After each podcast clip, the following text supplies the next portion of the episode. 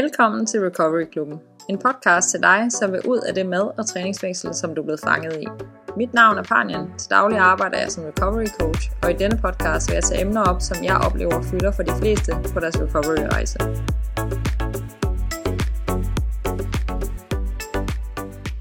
Velkommen tilbage. Den her episode er dedikeret til jer, der gerne vil støtte en menneske, I holder af, der kæmper med en spiseforstyrrelse, eller som har et svært forhold til mad og krop og træning, eller måske er i gang med at komme ud af et forstyrret forhold til, til alt det. Typisk så er mange her, der lytter med, dem som selv kæmper, og jeg er også sikker på, hvis du er en af dem, at du stadig kan få noget ud af at lytte til den her episode. Jeg håber blandt andet, at du måske kan bruge episoden som et springbræt til at fortælle med dine pårørende eller andre nære i dit liv, om hvordan de kan støtte dig, eller du kan dele den her episode med nogen, du tænker kunne have gavn af at lytte til den og bedre forstå din situation. Inden jeg dykker ned i det, så vil jeg som altid understrege, at vi alle er forskellige, og alle mennesker har forskellige behov, og derfor så kan det, jeg taler om i dag, selvfølgelig kun være meget generelt i forhold til det, jeg typisk møder med mine klienter i vores samtaler, og når vi har samtaler med pårørende. Og så er det selvfølgelig også baseret på mine egne personlige erfaringer, og dem vil jeg faktisk gerne starte ud med. I de 14 år, jeg havde en spiseforstyrrelse, der involverede jeg ikke rigtig andre i meget lang tid. Der var et par gange, hvor jeg fik fortalt det til en kæreste eller en ven, som så ikke rigtig vidste, hvordan de skulle forholde sig til det, eller måske sagde nogle ting, fordi de ikke vidste bedre, som egentlig gjorde mig mere ked af det. Og jeg vidste egentlig heller ikke selv helt, hvad jeg havde brug for fra dem, så øh, det endte tit med, at vi lå som om det ikke rigtig eksisterede. Og jeg har aldrig sat mig ned og fortalt mine forældre om min spiseforstyrrelse, og om at jeg har haft en spiseforstyrrelse. Jeg er ikke i tvivl om, at de nok senere har fået en idé om, at der var noget, øh, og de har været vidne til store forandringer i forhold til mad og træning og min krop. Og de ved også godt, hvad jeg arbejder med til daglig, men vi har aldrig sat os ned og haft den snak. Og jeg fortalte faktisk først min bror og hans kone om, om alt det, da jeg startede min virksomhed og var blevet rask, fordi jeg vidste, at jeg ville begynde at tale mere offentligt om det. Det eneste menneske, der vidste, at jeg havde en spiseforstyrrelse, og som rent faktisk var involveret, både før og undervejs i min recovery, det var min mand. Og grunden til, at jeg synes, det er vigtigt at dele det, det er, at jeg gik rundt i alle de år og øh, havde en spiseforstyrrelse, og havde det faktisk virkelig dårligt. Og der var ingen i min familie, og meget få af mine venner, der havde en idé om det. Og der var ikke rigtig nogen, der mistænkte, at det var det, der foregik. Det er ikke altid tydeligt. Der er rigtig mange mennesker, der udadtil og i sociale sammenhænge ser meget velfungerende ud. Måske endda ligner, at de bare har fuldstændig styr på livet mange af vores kampe er usynlige for andre, og de fleste mennesker har virkelig svært ved at være sårbare og fortælle, at de har det svært. Og bekymringer og, og overfokus på mad og krop og alt det, der hører med dertil, det er ekstremt skamfuldt for de fleste at tale om. Hvad er en spiseforstyrrelse egentlig, eller et forstyrret forhold til mad? Jeg kommer ikke til at dykke sådan helt ned i det, men en fordom, jeg tit hører, det er, at nogen siger, at jeg kunne aldrig få en spiseforstyrrelse, fordi jeg er alt for glad for mad. Og, og det, som mange typisk forbinder med spiseforstyrrelser, eller at have et forstyrret forhold til mad, det er, at, at personen så undgår mad, eller der er rigtig mange fødevarer, de er bange for at spise, eller at de bare altså generelt er meget restriktive, og meget udmagret, og har en meget ensidig kost. Og sådan kan det også se ud. Men det er langt fra alle, der har det sådan, og det er langt fra alle, hvor det ser sådan ud. Det er et meget øh, forsimplet billede af, hvordan det er. Og at have en spiseforstyrrelse, det handler om, at mad og krop, og nogle gange også bevægelse og træning, på en eller anden måde har overtaget og fylder alt for meget i et menneskes liv. Det er enten psykisk, fysisk, socialt og, og typisk alle tre. Og det påvirker dem så meget, at det faktisk begynder at gå ud over deres trivsel og deres hverdag, eller det begynder sådan helt at overtage pladsen for andre og vigtige livsområder. I virkeligheden så er der i langt højere grad tale om, at man er overoptaget og har et overfokus på, på maden, end at man har et fravær af lyst til mad. Der er selvfølgelig rigtig mange grunde til, at det her overfokus og overoptagethed, det dukker op i et menneskes liv, og det kan se meget forskelligt ud, og det kommer jeg ikke til at dykke ned i, men det er bare lige sådan grundlæggende for at give et billede af, hvad er det egentlig, når man har det sådan. Jeg går ud fra i dag, at hvis du lytter med, så kender du en, der kæmper med noget lignende, og du vil gerne vide, hvad du kunne gøre for at støtte det menneske allerbedst. Men for ikke at komplet overvælde dig, der lytter med, og så også mig selv i forhold til, hvor meget der egentlig er at sige om det her emne, så vil jeg gerne lige prøve at tale om det i en lidt bestemt kontekst, hvordan du bedst kan støtte omkring måltider og madsituationer. Så hvad er udfordringen typisk i de her måltidssituationer for personer, der har en spiseforstyrrelse eller et forstyrret forhold til mad? Allerede det, det kan selvfølgelig se meget forskelligt ud. Men det kan være vigtigt at vide, at bare fordi du ser, at nogen de spiser mad øh, regelmæssigt, så betyder det ikke, at de ikke kan have en spiseforstyrrelse, eller at der ikke foregår en hel masse ind i hovedet, mens de spiser. Eller at der ikke foregår en hel masse inden det måltid og efter det måltid, som en måde at håndtere, at man har spist på. Generelt vil jeg sige, at måltidssituationer og være omkring mad kan være meget overvældende, meget stressende, hvis man har et svært forhold til mad. Man er tit i et alarmberedskab omkring mad, og er hyperbevidst om alt, hvad der foregår. Hvis jeg sad ved et bord med andre og spiste, så kunne jeg slet ikke lade være med at tænke på en million ting, imens vi sad der ved det bord. Der kørt tanker om, hvor meget af de andre de spiser, hvor meget hælder de op på deres tallerken. Spiser jeg for hurtigt? Spiser jeg mere end de andre? Jeg ved, hvad de tænker om mig. Har jeg taget på? Kan de se det? Jeg synes, jeg kan mærke, at jeg har taget på. Burde jeg egentlig være mæt nu? Bliver jeg nu mæt? Er det, hvad nu, hvis jeg bliver sulten igen lige om lidt? Hvor mange kalorier er der i? Der var en konstant sådan indre dialog ind i mit hoved, mens jeg sad der. Og du kan måske forestille dig, hvor lidt nærværende jeg var på det tidspunkt, når alle de tanker, de kørte rundt i mit hoved. Og det var bare, mens jeg spiste. Så var der alt det, der skete op til, at jeg skulle spise, og efter jeg havde spist, hvor at skam og dårlig samvittighed kom skyldende ind over mig. Det er ikke sikkert, det er præcis de tanker, men det er et menneske, der er presset, eller i hvert fald har antennerne ude omkring mad og måltider. Jeg plejer med mine klienter at tale om, at den tid typisk føles som krigstid. Det er der, hvor al rationalitet og fornuft og alting, det ryger bare lige ud af vinduet. Og det er vigtigt for dig som pårørende at vide. Så det er også derfor, du ikke kan forvente, at du på det tidspunkt ved et måltid kan forhandle eller diskutere med et menneske, når de er så presset. Eller bede dem om, kan du ikke bare spise, eller kan du ikke bare stoppe med at spise?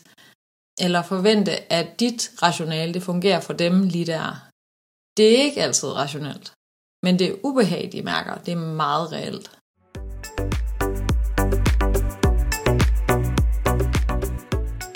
Så hvad kan du gøre? Når jeg har samtaler med pårørende, så taler vi tit om, at det, der skal tales om og aftales i forbindelse med måltider, så vidt muligt skal foregå i fredstid uden for måltiderne og ikke i krigstid. Så planlægning skal ske inden og uden om måltiderne. Det er en rigtig god idé at få snakket omkring alt det her med måltider, men på et tidspunkt, hvor at de ikke allerede har antennerne ude og er enormt presset. Det skal ikke diskuteres i sidste øjeblik eller under måltidet, fordi på det tidspunkt er det bare alt for svært at tale om de her ting. Men det I kan gøre, det er at sætte jer ned i fredstid og prøve at lave en plan sammen om, hvordan du bedst muligt kan støtte dem i forbindelse med måltiderne. Hvis nu I bor sammen, eller I spiser sammen, så øh, er der sådan lidt nogle, nogle områder, der måske er vigtige. Der er noget i forhold til at planlægge og fordeling af ansvar i alt det her. Det kan for rigtig mange være hjælpsomt, at I enten planlægger måltiderne sammen i forvejen, ugenligt ligesom laver en madplan, eller hvad det kan være, eller at du for en tid tager det primære ansvar for madlavning, eller I for eksempel kører med måltidskasser, så vedkommende ikke skal bruge alt for meget energi på planlægning af maden, men at der også er en plan. Måske er det at handle ind for dem rigtig svært, og I kan finde ud af, hvordan du kan støtte dem med at tage med ud og handle, hjælpe dem at lave indkøbsseddel, så de kan holde fast i, hvad det er, de gerne vil have købt, eller at de handler øh, online for en periode, så man bliver lidt mindre overvældet. Det kan også være rart, at I holder fast i en vis struktur og regelmæssighed, så måltider ikke bliver sådan helt kaotiske. Det kan være meget svært, hvis man har det rigtig svært med mad, det, at det bliver sådan lidt øh, impulsivt, eller, eller øh, at man ikke rigtig sådan ved, hvornår det næste måltid kommer. I starten især kan det være rart, at man ved, at der er sådan en vis rytme og struktur omkring det.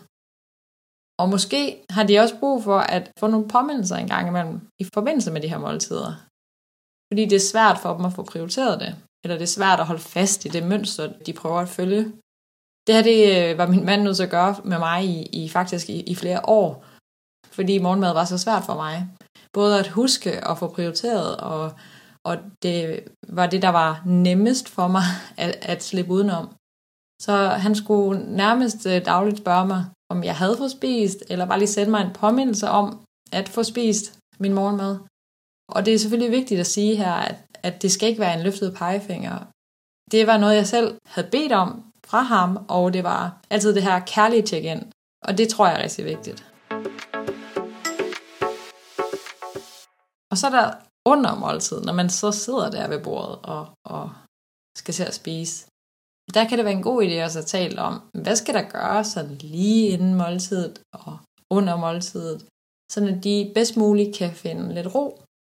Fordi hvis man er lidt i, i alarmberedskab og, og har et øh, meget restløs krop og, og sind, så, øh, så kan det være vigtigt, at man lige finder noget ro, inden man skal sætte sig ned og spise. Og det kan du måske hjælpe med, eller i hvert fald hjælpe dem med at finde ud af, hvad de har brug for. Det skal helst ikke være alt for kaotisk lige omkring måltidet. Det kan fx være, at de har brug for, at du sidder med dem, så de ikke skal spise alene, eller at de sidder og taler sammen, mens at andre de har brug for, at man ikke sidder og taler sammen, men man er lidt afledt med fjernsyn, eller nogen sidder og laver puslespil, eller sudoku, eller et eller andet, imens de spiser. Og nogle gange, så kan det også være, at de har brug for lidt ekstra støtte, hvis de spiser sammen med andre. Så kan man have brug for noget andet. Jeg havde typisk brug for at lige få et kærligt blik fra min mand, eller, eller et knæ mod mit knæ, når vi sad med andre, og, og jeg kunne mærke, at jeg blev presset. Prøv at være nysgerrig på, hvad der kunne hjælpe dem med at komme igennem det. Og så samtidig, så er det vigtigt, at man er opmærksom på, at det ikke nødvendigvis skal betyde, at du skal lave om på alting i dit liv og dine måltidsmønstre. Det jeg nogle gange ser ske, det er, at vedkommende så kun kan spise, hvis andre spiser sammen med dem. Og hvis de ikke gør, så kan de ikke spise. Og det er okay i starten, for lige at komme i gang. Men på et tidspunkt, så bliver det alt, alt for sårbart. Og det er værd at udfordre den her idé om, at det er kun okay, at jeg spiser, hvis andre spiser. Og lære, at mennesker er forskellige, og vi har forskellige behov. Og bare fordi, at andre ikke spiser, så betyder det ikke, at du ikke må være sulten, og at du ikke må spise.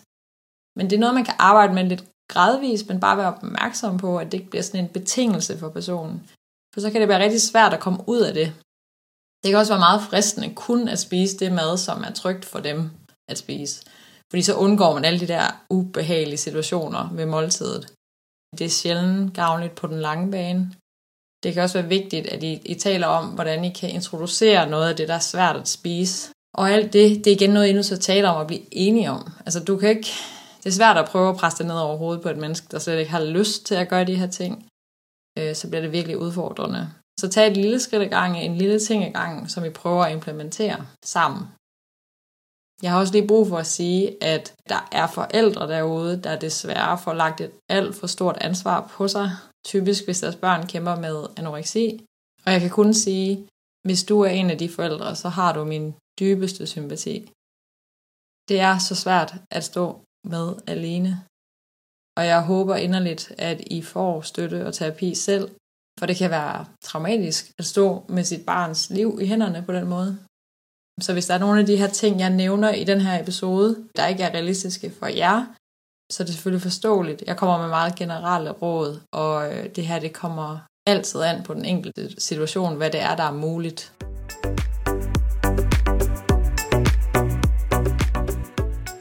Så det var sådan meget øh, generelt op til måltider, under måltider, planlægning og ansvarsfordeling. Men der er selvfølgelig også andre ting, du kan gøre, som måske nogle gange er endnu vigtigere end, end noget af det andet. I sidste uge, der lavede jeg et post på min Instagram-profil om en af de vigtigste ting, jeg mener, du kan gøre for at støtte et menneske, du holder af, der kæmper med mad og krop. Og det er nemlig det her med at blive mere bevidst om dit sprogbrug. Hvordan taler og agerer du selv omkring mad, krop, træning? Har du selv et meget stort fokus på at tale, tale om kalorier og rigtig og forkert mad? Og kan du komme til at dømme andres kroppe eller din egen rigtig meget? Har du tendens til at tale meget om, hvor meget andre spiser, og fokuserer du meget på det her ydre, og anerkender meget øh, mennesker baseret på, hvordan deres krop ser ud? alt det der, det kan, se, det kan føles meget uskyldigt for dig, men for en person, der har et overfokus på mad og krop i forvejen, så kan den her type af samtale og meget sådan opdeling af rigtig og forkert og god og dårlig øh, være noget af det sværeste at være i. Uanset hvor meget du retter det mod dig selv, og det ikke handler om dem, så retter de det altid mod sig selv. Det eneste, de hører, det er, at den slags er mega vigtigt, og at de skal sørge for at øh, leve op til det. Det må gerne være vigtigt for dig. Jeg skal ikke bestemme, hvad du går op i, men det kan være gavnligt at spørge sig selv, hvordan skal det menneske, jeg holder af, mindske den her overoptagethed af mad og krop og træning, hvis jeg hele tiden taler om det. Jeg synes egentlig, det er okay, at vi prøver at tage lidt hensyn til de mennesker, vi holder af, og bliver bevidste om vores sprogbrug generelt inden for de her emner og måske først og fremmest øh, prøver at undgå at blande os for meget i, hvad andre spiser, og hvad de vejer, hvor meget de vejer osv. Øh, uanset hvor velmenende det er. Det kan bare skabe rigtig meget utryghed og ubehag, hvis du taler om, hvad der sker på deres tallerken. Det, der sker, når du taler mindre om den slags, eller bare er mere neutral omkring det, så skaber du automatisk mere tryghed for det menneske, du er sammen med, som har det svært. Og mere tryghed, det betyder typisk, at de har nemmere ved at åbne op.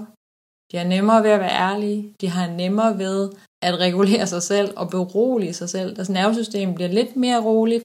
De kommer lidt ud af den der alarmtilstand, de ellers kan være i.